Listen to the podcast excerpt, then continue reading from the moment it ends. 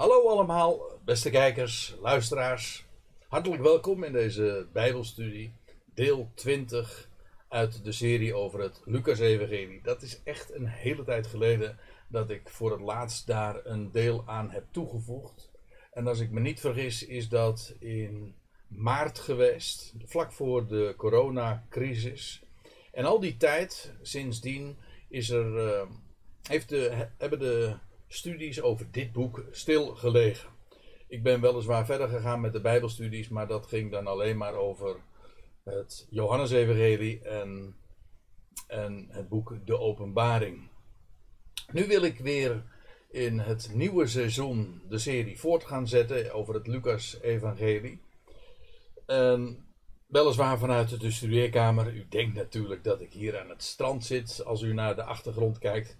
Maar dat is slechts schijn. Ik zit hier gewoon vanuit de studeerkamer, die een klein beetje dus is omgebouwd als een, uh, als een studio.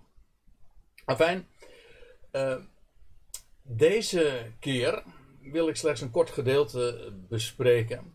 Wellicht dat ik later in de week nog een deel toevoeg over de geschiedenis van de jongeling te Nain. Maar ik wil me in deze studie beperken tot de eerste tien versen van Lucas 7.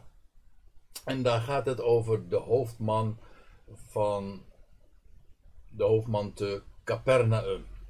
En wellicht dat het nuttig is om eerst nog even, eh, zoals ik dat uh, gewend ben te doen, wat uh, inleidende opmerkingen te maken.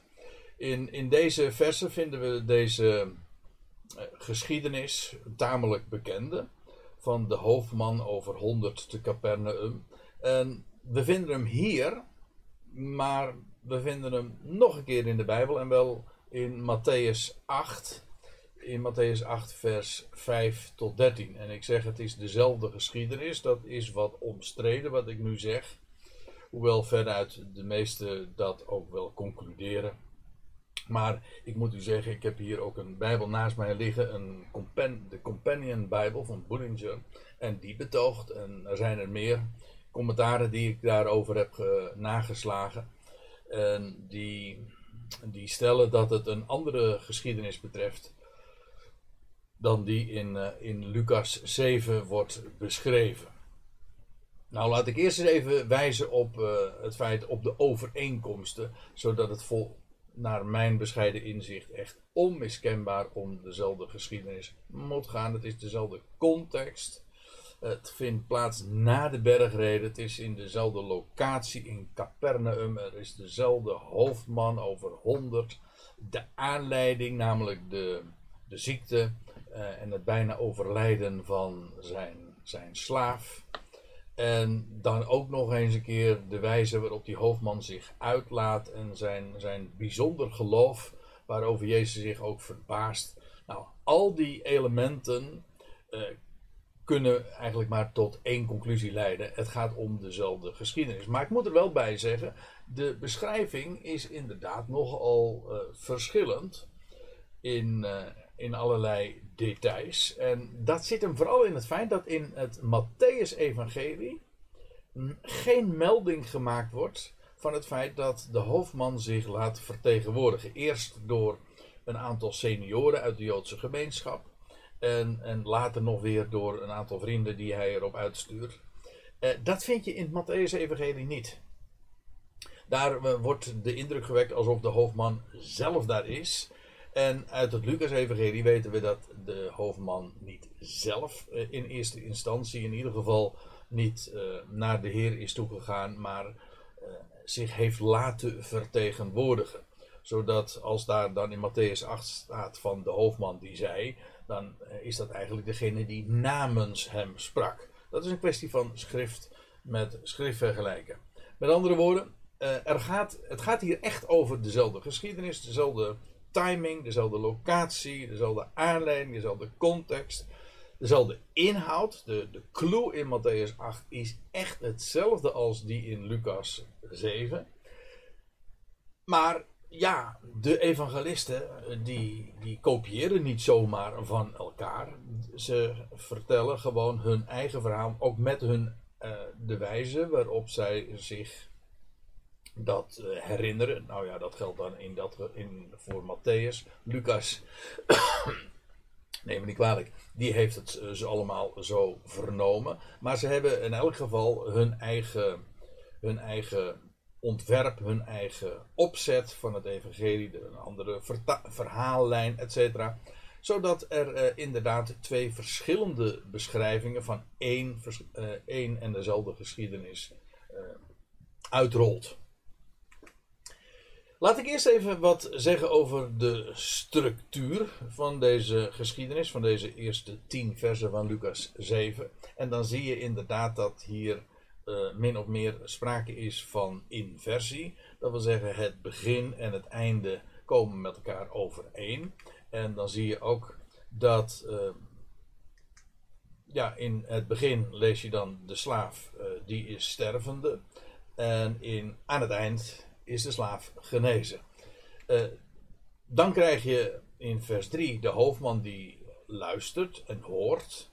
En dan vervolgens lees je ook over de, de mensen die de hoofdman prijzen.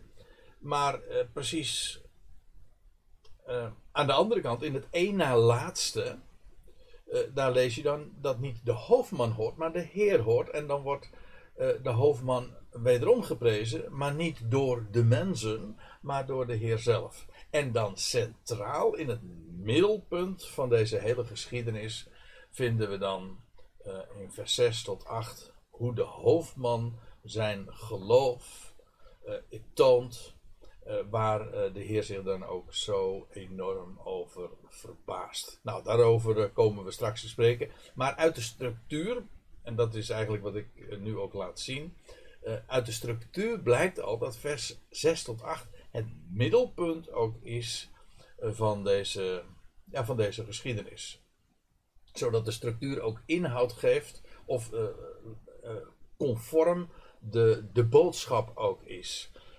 Dat is. Dat is, ja, dat is literair natuurlijk geweldig allemaal gestileerd. dat wil zeggen dat in de structuur de, de boodschap van de auteur, en eigenlijk bedoel ik daarmee niet alleen maar Lucas, maar bovenal de Heer uh, die uh, Lucas geïnspireerd heeft om dat zo op te tekenen. En de, daarin wordt gedemonstreerd dat wat uh, de boodschap inhoudt. Laten we eens naar de geschiedenis zelf toegaan. Dan staat er in vers 1: Aangezien hij, dat is Jezus, al zijn uitspraken voleindigd had en waar hier aan gerefereerd wordt, is het direct voorafgaande, namelijk. sorry. De, de bergreden. In, uh, in Matthäus vinden we een veel uitgebreidere versie daarvan. En uh, in, in Lucas een betrekkelijk korte. Maar in beide gevallen gaat het inderdaad over de reden die de Heer daar op de berg heeft gehouden. En het was met recht een, een reden, een toespraak. En hij heeft al zijn uitspraken inmiddels voleindigd. Dat wil zeggen, hij uh, had zijn verhaal gedaan, alles wat hij wilde zeggen, had hij uh, gemeld. En dan staat er nog bij ten aanhoren van het volk.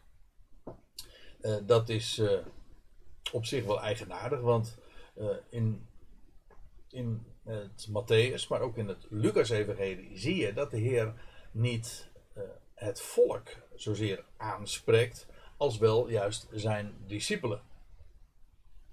Uh, maar het neemt niet weg dat het, het volk dat allemaal wel heeft aangehoord. En zo, zo staat het er dan ook precies. En als de Heer dan zijn, zijn toespraak ge, gecompleteerd heeft, daarmee klaar is, dan gaat hij naar Capernaum. En dat is daar niet ver van uh, verwijderd geweest. Waar de bergrede precies is uitgesproken, dat is niet helemaal uh, duidelijk vanuit de Bijbel. Hoewel tegenwoordig, uh, als je als toerist naar, naar, naar Galilea gaat, dan wordt, dan wordt de locatie aangewezen. En dat zou ook zomaar kunnen. Ik spreek dat zeker niet tegen. Maar in de Bijbel zelf wordt niet direct een, een, specifieke locatie aangewezen, behalve dan dat het inderdaad bij het meer van Galilea was. Dat wel. In elk geval, als de Heer dan zijn, zijn toespraak gehouden heeft, gaat hij naar uh, Capernaum terug. Hij kwam Capernaum binnen. Dit was immers, zo weten we, de plaats waar hij woonde. Zowel in Matthäus als in het Johannesevangelie wordt dat uh, vermeld. We weten dat de Heer tot zijn dertigste eh, heeft gewoond in Nazareth. En toen hij zijn publieke bediening aanving, toen is hij gaan wonen in Kvarnachum. Uh, zoals dat dan op zijn Hebreeuws heet, in het dorp van Nahum, van Nahum. En wellicht ook het dorp waar uh, de profeet Nahum uh, vandaan kwam. hoe dan ook, de Heer gaat dan Capernaum binnen. En dan lees je, en een zekere slaaf van een hoofdman over honderd. En die hoofdman speelt hier in deze geschiedenis ook onmiskenbaar de hoofdrol. Hoewel de aanleiding die zekere slaaf is. Want uh, van hem wordt uh, vermeld dat hij dan ziek is. Uh, eerst eventjes nog dit.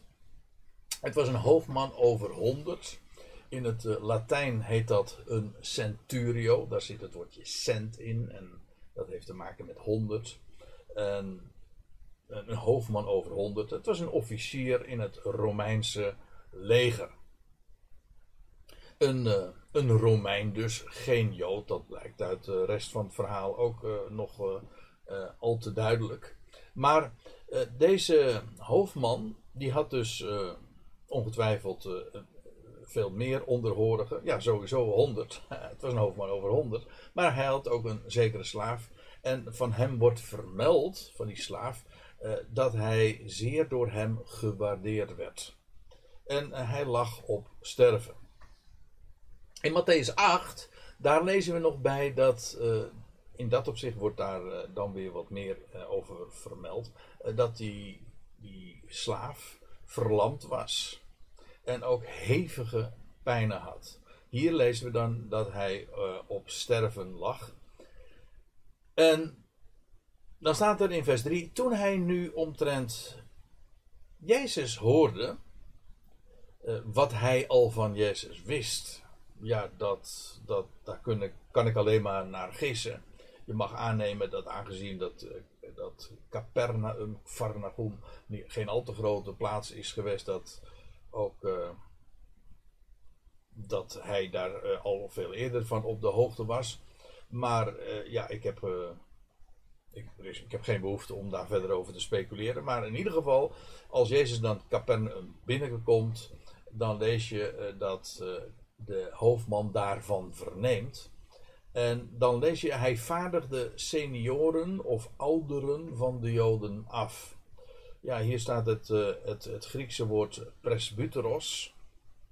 En dat betekent, dat is eigenlijk niet zozeer een, een overtreffende trap, maar een vergrotende trap. Je hebt oud, je hebt ouder en je hebt oudste. En bij, uh, het wordt meestal vertaald met oudsten. Strikt genomen is dat niet eens uh, helemaal correct, want het, is, het zijn de ouderen, mannelijk weliswaar. En ja, wij kunnen dat prima benoemen als de senioren. Het is dus niet zozeer een ambt. Het is meer een, een kwestie van. Nou, van leeftijd wil ik eigenlijk ook niet eens zeggen. Want ja, wat, wil, wat wil dat zeggen dat je ouder bent? Het is eigenlijk iets ver vergelijking. Je bent ouder dan. Ik bedoel, iemand van tien is ook al ouder, namelijk ouder dan iemand die acht is de, dat wil niet zeggen dat je oud bent, maar in vergelijking met de ander ben je ouder.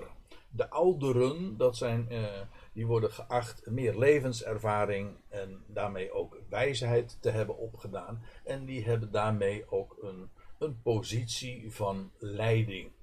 Uh, dat is een, een hele gewone, uh, gangbare gedachte. Iemand die meer ervaring heeft, heeft, heeft, staat in die positie. En dat is het idee ook bij senioren. Het wijst dus niet zozeer op leeftijd, maar je hebt meer, je bent ouder dan. En het waren ouderen van de Joden. Waar trouwens ook alweer uit blijkt, uh, als je mij vraagt, uit deze formulering dat die hoofdman zelf dus geen Jood was. Maar hij vaardigde ouderen van de Joden af. En om, eh, om hem, Jezus, te vragen om te komen en om zijn slaaf te redden.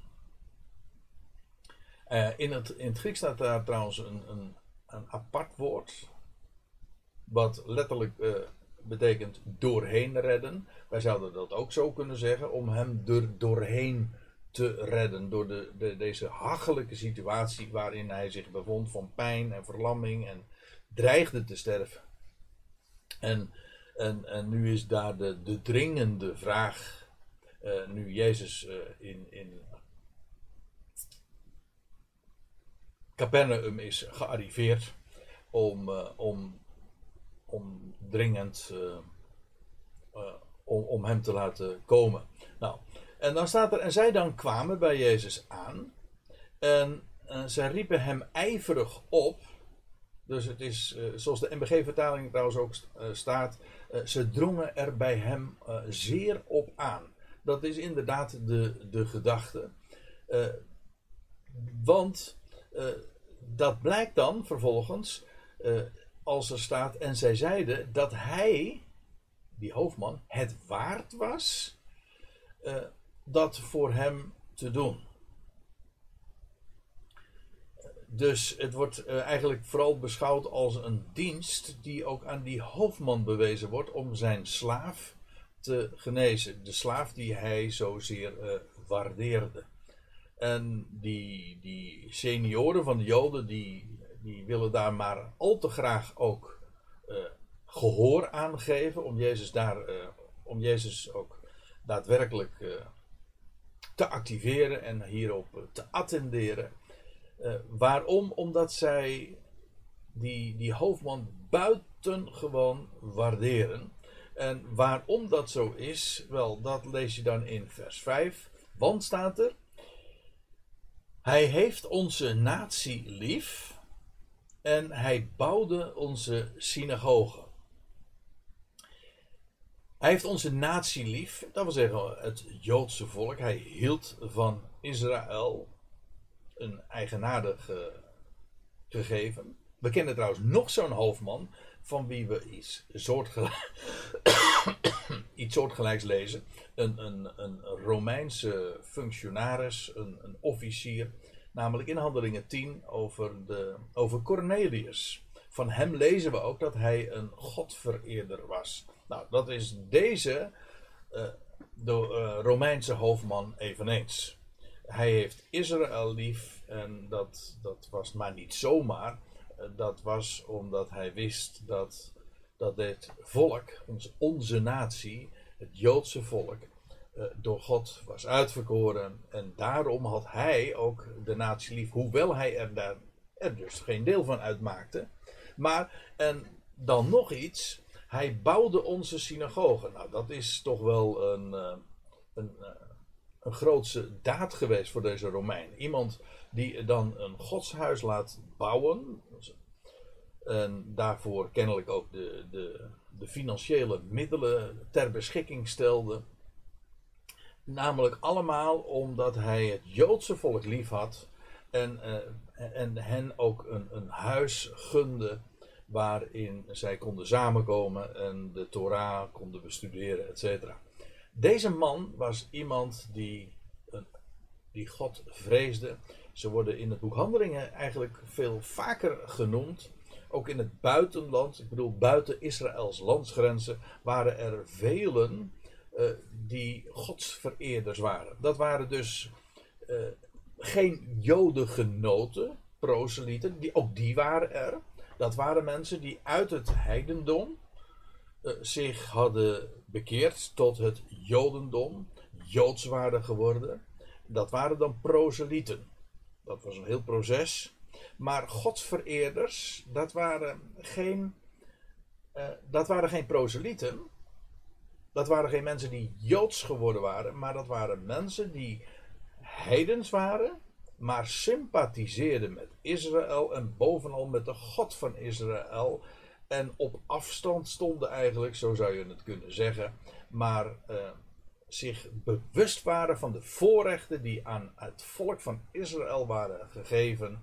Ja, het waren eigenlijk uh, vreemdelingen in de poorten, maar die het volk lief hadden en vooral dus uh, ja, de God van Israël en daarmee ook de God van hemel en aarde vereerden. Via Israël hadden ze ook vernomen uh, van die ene God. Moet zich realiseren dat het Jodendom van origine ook helemaal geen, geen zendingsdrang heeft. In die zin dat zij uh, niet de.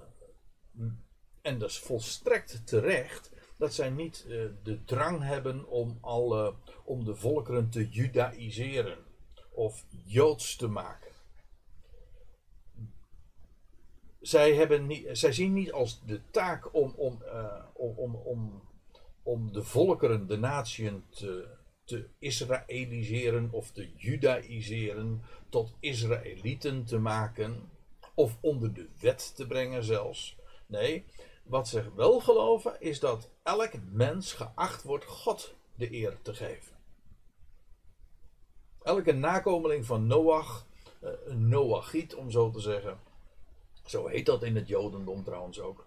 Uh, die wordt geacht God te vereren en, uh, en daarmee te leven. Nou, zo'n Godvereerder uh, was, deze, was deze Romeinse hoofdman. En die sympathiseerde dus zozeer dat hij ook ja, zich had ingespannen om de synagoge in Capernaum te bouwen. Kennelijk was dat een, nieuwe synagoge. We mogen aannemen dat er in, uh, in Capernaum, hoewel het geen grote plaats was, uh, dat daar uh, veel meer synagogen waren. En ik heb hier een plaatje trouwens, dat de restanten laat zien van een synagoge in Capernaum. Als je nu nog naar, naar het meer van Galilea gaat en naar de plaats waar ooit Capernaum lag dan kun je dit ook zien. Dat is gewoon een synagoge. Van die synagoge lezen we trouwens uh, vaker. Nou, of het deze synagoge is geweest, dat weet ik dan weer niet. Maar je leest inderdaad dat de Heer Jezus optrad in de synagoge te Kvarnagum, te Capernaum. en uh, hier vind je dus uh, restanten van een synagoge die, die daar gestaan heeft. De restanten die je hier ziet, die zijn uit de vierde eeuw. Maar uh, wat uit opgravingen blijkt, is dat ze is gebouwd op fundamenten van een synagoge uit de eerste eeuw. En mogelijk dus uh, gebouwd, zijn, uh, gebouwd is op de fundamenten van een synagoge die ooit gebouwd is, of die ooit die hoofdman, die hier in Lucas 7 beschreven wordt, ooit gebouwd is. Dat zou zomaar kunnen is niet gezegd, maar het is, uh, het is, een, uh, het is heel wel mogelijk dat dat zo gegaan is. En we, we lezen dan dat, uh, dat als dat getuigenis van deze hoofdman gegeven wordt door die, door die, ja, die, die uitgezondenen, die senioren, die Joodse, die Joodse mannen die de hoofdman heeft gezonden naar Jezus. Jezus geeft meteen ook gehoor aan, want dan staat er en Jezus ging met hen mee. En toen hij niet ver meer van het huis was, het huis namelijk van die hoofdman, zond de hoofdman over honderd vrienden die tot hem zeiden. Eerst waren het dus de Joodse senioren, ouderen, en nu uh, waren daar. Uh, nu, nu, nu, zijn het vrienden die hij naar Jezus zendt, terwijl Jezus nog maar op korte afstand is als ik het, de geschiedenis goed reconstrueer, dat wil zeggen, als ik uh, de schrift van Matthäus 8 vergelijk met die van Lucas 7, dan heb ik de indruk uh, dat het zo is gegaan dat die vrienden bij Jezus zich gevoegd hebben of naar hem toe gegaan zijn. En ja, het was op korte afstand en dat de hoofdman daar ook bij is komen te staan en, uh, en zijn verhaal gedaan heeft. Dat is de indruk die ik krijg als ik de beide geschiedenissen met elkaar vergelijk. Want ja, dat is wat je natuurlijk uh, heel vaak dan kunt doen. Hè, als je zo'n synopsis krijgt van, van de evangelie, de verschillende lijnen, de verschillende verhalen gewoon naast elkaar legt, ja, dan kun je uit de ene geschiedenis dingen opmaken en aanvullen met wat je in een andere beschrijving dan weer vindt. En, en zo kun je de geschiedenis uh, uh, ja, reconstrueren en, en een om een vollediger beeld van het verhaal te krijgen. Afijn, Jezus ging dus met hen mee. Hij stond, en toen hij niet ver meer van het huis was, stond de hoofdman over honderd de centurio dus vrienden die tot hem, tot Jezus zeiden: Heer, doe geen moeite, want ik ben niet toereikend dat u onder mijn dak zou binnenkomen. Het is trouwens uh, wel eigenaardig of opmerkelijk dat hier in de eerste persoon enkelvoud wordt gesproken. Ze spreken dus namens de hoofdman. En ik weet het niet zeker, maar opnieuw uh, doe ik weer even de suggestie, als ik dit vergelijk met Matthäus 8, uh, dan, uh, dan, dan lijkt het erop dat terwijl die vrienden naar Jezus toegegaan zijn, terwijl Jezus al bijna bij het huis is, dat de hoofdman zelf daar ook zich bij gevoegd heeft en misschien dit zelf ook wel zo gezegd heeft. dat, vandaar ook dat je dan dat dit zo beschreven wordt in de eerste persoon enkelvoud. Zo zou uh, het, uh, het wellicht uh, in, in elkaar, zeg maar, als puzzelstukjes kunnen passen. Het is maar een suggestie. In ieder geval,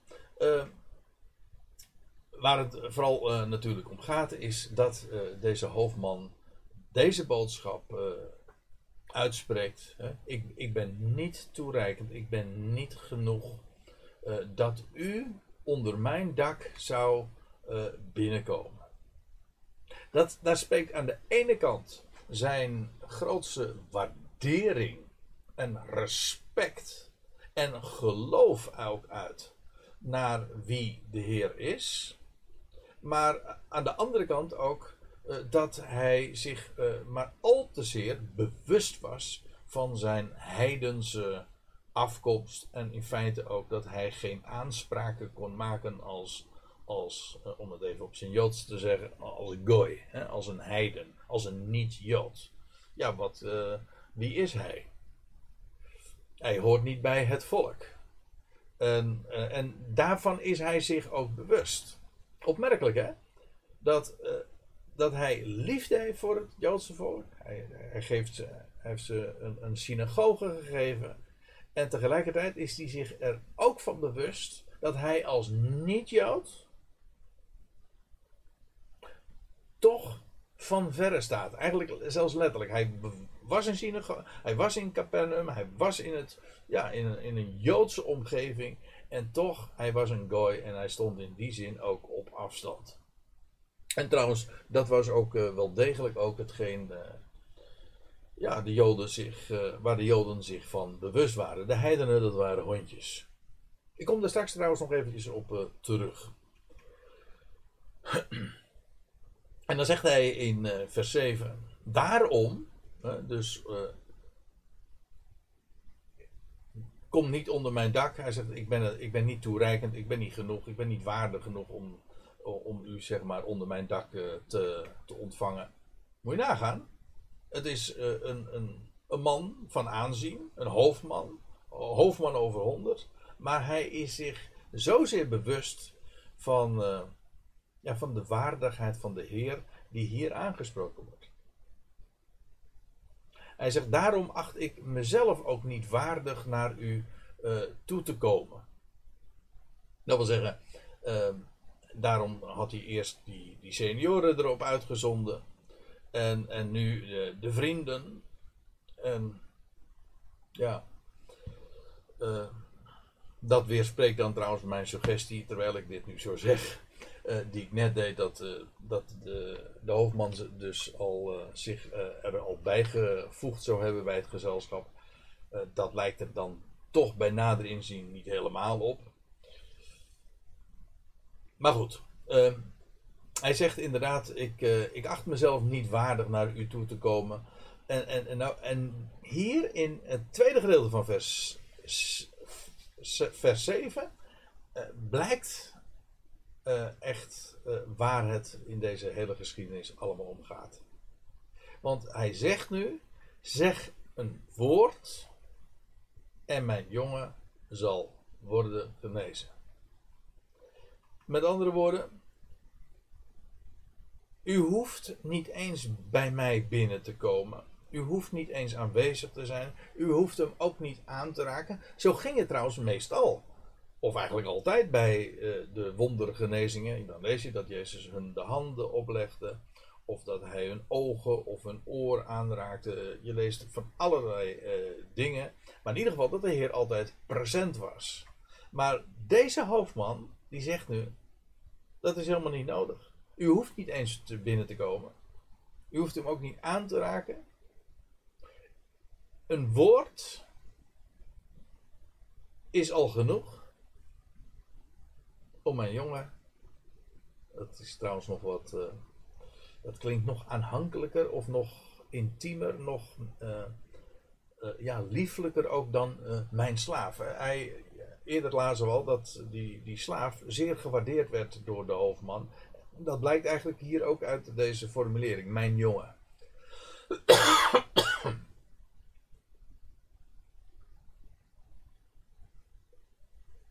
zeg een woord en mijn jongen zal worden genezen. En moet je opletten hoe hij dat dan ook motiveert in vers 8. Hij zegt, want ook ik ben een mens die onder volmacht gezet is. En met soldaten onder mij. Hij zegt: Ik heb dus mensen boven mij die mij op de plaats hebben gezet waar ik sta. En ik heb vervolgens op mijn beurt ook weer soldaten onder mij. Maar dat is allemaal het Griekse woord exousia. Autoriteit, oftewel volmacht. Autoriteit is eigenlijk uh, macht die je uh, verleend wordt door een ander. Dat is ook wat volmacht is. Hè? Als je volmacht hebt, dan ben je geautoriseerd door een ander. En dan ben je uh, gerechtigd om bepaalde dingen te doen. Om gerechtigd om namens iemand op te treden, volmacht of op uh, gerechtigd om een stem uit te brengen of nou ja, whatever. Uh, dat is wat volmacht is. Je ontvangt autoriteit van iemand die boven jou staat. En het recht uh, verleent om iets te doen. Dat is wat volmacht uitdrukt. Hij zegt: Ik ben zelf iemand onder volmacht. En er zijn ook op mijn beurt ook weer mensen onder mijn volmacht. Dat wil zeggen, die geautoriseerd zijn door mij. Want dan zegt hij: En ik zeg tot deze: ga. En hij gaat. En tot een ander: kom. En hij komt. En tot mijn slaaf: doe dit. En hij doet het. Ja, ja, dat is wat volmacht dus is. Dat recht heb je om te doen. En, uh, dat is ook wat een woord dan, als je volmacht hebt, wat een woord vermag. Dan hoef je alleen maar te zeggen: kom, en dan er komt. En ga, en dan er gaat. Of doe, en dan doet het. Kijk, dat is volmacht. En dan lees je in vers 9: Toen Jezus deze dingen hoorde, verwonderde hij zich over hem. Dat lees je niet vaak. Maar een paar keer in de Evangelie lees je dat de Heer Jezus zich verwonderde. Hier is één zo'n voorkomen. Hij verwonderde zich over hem. En de Heer wil daar ook de, de, de scharen die hem volgden op, uh, attenderen, op maken. Uh, waarom hij zich zo verwonderde. En terwijl hij dus uh, zich omkeert naar de schade die, die, hem, die hem, Jezus dus, volgde, zei hij: Ik zeg jullie, zelfs in Israël vond ik niet zoveel geloof. En die term, zoveel of zo groot geloof, kom je twee keer tegen in de Evangelie. En het is zo opmerkelijk waar die uitdrukking, die term, groot geloof, veel geloof, gebezigd wordt. Twee keer.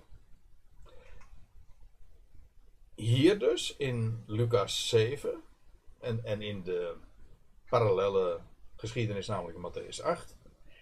En hier in, uh, en ook uh, in Matthäus 15, vers 28. Daar gaat het over de Canaanese, nee, ja, Canaanese, niet de Canadezen, uh, maar de Canaanese vrouw, de vrouw uit Cana.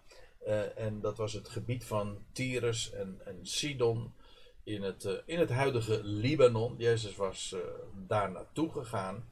En daar, daar lees je dat een, een, een vrouw naar hem toe ging. En de discipelen die hadden haar in eerste instantie zo weggestuurd. En, maar zij bleef maar aanhouden. En dan is het Jezus zelf ook die ook zegt van, hoor eens even, ik, ik, ben, ik ben slechts gezonden tot de verloren schapen van het huis Israëls. Dat is mijn missie. En dan zegt hij er nog iets bij. Hij zegt, het is niet goed om het brood dat bestemd is voor de kinderen, de kinderen van Israël. Hij zegt om dat aan de honden te geven. Dat doe je niet. Hij zegt het en het idee is van die uitspraak: eh, de dingen die ik te melden heb, het brood, het, het woord dat ik spreek, het brood dat ik uitdeel, dat is bestemd voor de kinderen van Israël. Dat is buitengewoon belangrijk trouwens om de evangelie ook te begrijpen. Dat is brood voor de kinderen. En dat moet je niet zomaar lukraak uh, van toepassing brengen op, op, op, op heidenen. Dat is niet goed, zegt de Heer. Het is niet goed om het brood van de kinderen aan de, aan, aan de hondjes te geven. Maar dat is niet het hele verhaal. Want die vrouw die reageert dan op die uitspraak van Jezus. En dan zegt ze, en ze stemt ook in met wat Jezus zegt. Kijk het maar na daar in Matthäus 15. Ze zegt zeker Heer, dat is ook zo. Dus ze stemt in met het, met het feit dat zij ook maar een hondje is, dat ze er geen aanspraak op kan maken. Maar dan zegt ze, maar u weet toch dat, uh, dat, uh, dat er kruimeltjes van de tafel uh, rollen. En dat mogen de hondjes dan toch opeten. Nou, dus zij weet, eh, het brood is niet voor mij, maar de kruimeltjes, daar mogen de hondjes dan toch van eten. Met andere woorden, mag ik dan een kruimeltje van u? En op dat moment, als de Heer dat ook hoort van deze vrouw, dan zegt hij: Wat een groot geloof. Dus uh, probeer eventjes daar een, een voorstelling van te vormen. Twee keer dat Jezus zich verbaast over geloof, over veel geloof, over een groot geloof. Over zoveel geloof. De ene keer is het, zoals hier in Lucas 7, een, een, een militair met aanzien, een centurio. Daar in Matthäus 15 is het een, een, een, ja, toch maar een meelijwekkende vrouw. Maar in beide gevallen, en dat is van belang, in beide gevallen betreft het heidense mensen. Goy. Niet Joden. en dat met name is zo veelzeggend. Heidense mensen. En waarom is dat zo belangrijk? Waarom is het zo opmerkelijk dat de Heer groot geloof gevonden heeft buiten de landsgrenzen, bij heidenen? Het antwoord is, en ik wil het straks ook uh, onderstrepen met, met woorden van de apostel Paulus, maar het is zo uh, logisch ook, als je daar even over doordenkt. Kijk, hoe, is het, hoe was het met Joden? ja, die hadden de wet gekregen en die meenden dit te moeten doen, dat te moeten doen. Die waren allemaal bezig met werken, dat wat van hen verwacht werd, om iets te verdienen. Ze waren bezig met uh, uh, dingen te doen en altijd maar om zo rechtvaardig te leven en te werken en zich te gedragen voor God. Maar wat ben je dan? Waarmee ben je dan bezig? In feite ben je dan bezig met jezelf. Met je werken. En in de praktijk is het gestumper. Heel vroom. Heel godsdienstig. Maar het is werken. Deze Romeinse militair, net als die Canaanese vrouw, die werkte niet. Die wisten sowieso, er, eh, ze, hadden geen, ze konden geen aanspraak maken. Die waren niet met zichzelf bezig om voor God iets te betekenen. Nee. Maar weet u wat ze wel hadden? Heel veel verduzie, heel veel verwachting van wat God bij machten is te doen. Of in dit geval wat de Heer bij machten was te doen, degene die door God gezonden is. Zij leefden niet met de focus op wat zij moesten doen. Ze hadden helemaal geen wet. Zij leefden gefocust op wat de Heer kon doen. En daar hadden ze hoge verwachtingen van. En dat is nou precies wat geloof is. En ik wil dat graag ook laten zien aan de hand van woorden die we vinden in, in Romeinen 9. En dan zegt Paulus, en ja, u, ziet, uh, dat is Romeinen 9, dus er is een heel betoog aan hem vooraf gegaan. Maar het gaat eventjes, uh, en ik denk dat ik dat zo met dit citaat echt ook duidelijk kan maken. dat Paulus, neem me niet kwalijk, dat Paulus dan zegt, wat zullen we dan uitspreken, hè, na alles wat hij al tot dusver heeft betoogd? Dat natieën, niet Joden, geen rechtvaardigheid najagend en toch rechtvaardigheid hebben begrepen.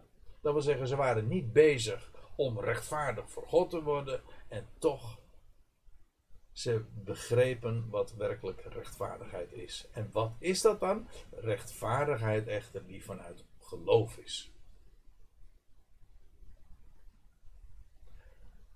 En dat is wat uh, voor God inderdaad ook als rechtvaardigheid gerekend wordt. Was al veel eerder in de Romeinenbrief door Paulus betoogd.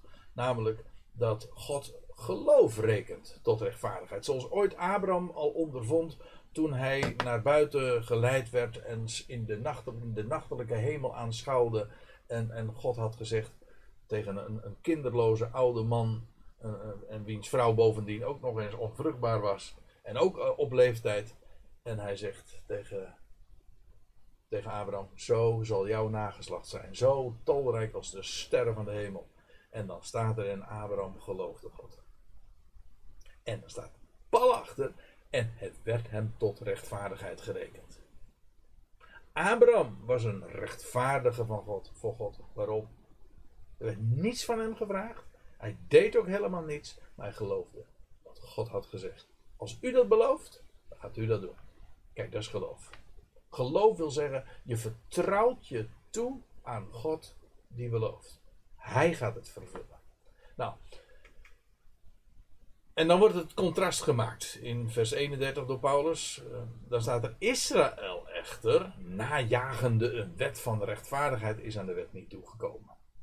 Ze zijn zo druk in de weer om middels een wet rechtvaardig voor God te worden en rechtvaardig voor God te leven. En Paulus zegt, en juist daardoor zijn ze aan de wet niet toegekomen. En waarom is dat dan? Vanwege wat staat er in vers 32? Om, waarom is Israël niet aan de wet toegekomen? En het antwoord is, omdat het niet uitgaat van geloof, maar vanuit werken. En daarom hebben ze zich ook aan de steen des aanstoters des aanstoots. sorry. Aan de steen des aanstoots gestoten. Dat wil zeggen, ze zijn gestruikeld over de, over de rots. Namelijk over de Messias. Afijn, het gaat mij vooral even om, om dat antwoord. Waarom is Israël niet aan de wet toegekomen? omdat ze niet uitgaat van geloof. Zij meenden dat ze de wet moesten doen en rechtvaardig voor God leven, terwijl het in de wet feitelijk ten diepste helemaal niet om wet gaat in de zin van uh, dingen moeten doen, maar God die belooft. Zelfs de woorden, of ik zeg zelfs de woorden gij zult, betekent niet je moet, maar het is een aankondiging. Je zult, zoals tegen Abraham gezegd wordt, je zult een, een vader van vele volkeren worden. Dat was geen opdracht. Dat was een belofte. Nou, in feite, de hele wet is ook vol van beloften. Gij zult de Heer uw God liefhebben. Gij zult uw naaste liefhebben. Dat, dat zijn geen opdrachten. Dat zijn beloften die God geeft. En als je uitgaat van geloof, dan zeg je van, als u dat belooft, dan gaat u dat ook vervullen. En eenmaal komt Israël ook tot die ontdekking van geloof. Eh, en, ja, van die belofte. En dat de wet inderdaad een belofte is. En dan, dan ontdekken ze de wet. Dan wordt de bedekking van de wet weggenomen. En dat is ook wanneer het nieuwe verbond uh, in vervulling uh, zal gaan. En, en, en, gevestigd zal worden. Of gesloten zal worden. Dan, want dan zal, dan zal de wet geen last meer zijn op hun schouders. Maar dan zal de wet geschreven zijn in hun hart. Dan hebben ze de wet lief. Waarom? omdat het een belofte voor hen is geworden. Dan is het helemaal geen last meer. Dan verblijden ze zich in, in een God die, die, die belooft. En dat ze dingen mogen doen, dan wordt het een voorrecht. En dat is een complete omkering. Niet werken, maar geloof. Nou, deze hoofdman, net als die Canaanese vrouw, die waren niet bezig met werken. die keken naar, die keken naar de Heer. En ze wisten, Hij is bij machten, al is het door één woord, om, om die slaaf van mij, of, onze, of mijn dochter, zoals in die Canaanese vrouw, om die te genezen. Zijn woord is genoeg. Hij is bij machten. Kijk, dat is wat geloof is. Geloof kijkt niet naar uh, is niet bezig met zichzelf. Geloof richt zich op, op de Heer, wat Hij kan. En, en zodra uh, geloof weer iets wordt uh, van een prestatie, zoals dat trouwens in de christelijke wereld geworden, het, geval is, uh, men heeft geloof weer tot een prestatie gemaakt. ik geloof. Ik heb voor Jezus gekozen. En dan is geloof eigenlijk via een achterdeurtje alsnog weer een werk geworden. Een verdienste. Waardoor jij beter bent. En dat is juist wat geloof niet is. De Heer heeft je dingen duidelijk gemaakt. Hij heeft je jouw hart geopend, je ogen geopend. En je mag zijn belofte zien en verstaan en daaruit leven. Dat is, een, dat is zo een totaal andere, uh, ja, een totaal andere wereld, een totaal andere beleving. Nou, die, eh, deze Romeinse hoofdman, die had het begrepen.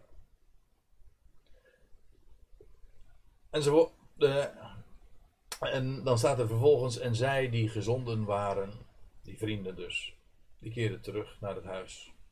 En zij vonden de slaaf gezond. Er staat in uh, Matthäus, bij in datzelfde uur was die man, die slaaf, die jongen, uh, gezond geworden, genezen. En waaruit dus blijkt dat enkel door een woord, net als bij die Canaanese vrouw, het wonder was geschied. Kijk, dat is geloof. En daarover uh, verwonderde de Heer zich. En uh, waar ik in dit verband ook vooral de, de aandacht voor wil geven, is het feit dat het in beide gevallen, dat er sprake is van dat grote geloof, dat in beide gevallen om heidense mensen ging. Niet om vrome mensen, niet om godsdienstige mensen, helemaal niet. Maar mensen die alles wisten eh, van, van het vermogen van Hem, van God. En daar spraken ze van. En daar hadden ze achting en waardering en respect en alle verwachting van. Dat is wat geloof is. En ehm, inderdaad, de Heer hoefde maar één woord te spreken. En de man, deze jongen, die was genezen. Nou, daar wilde ik het uh, voor nu even bij laten. En dan ga ik uh, de volgende keer, en dat zal waarschijnlijk al gauw zijn, uh, de geschiedenis van de jongeling te na-in met jullie bespreken.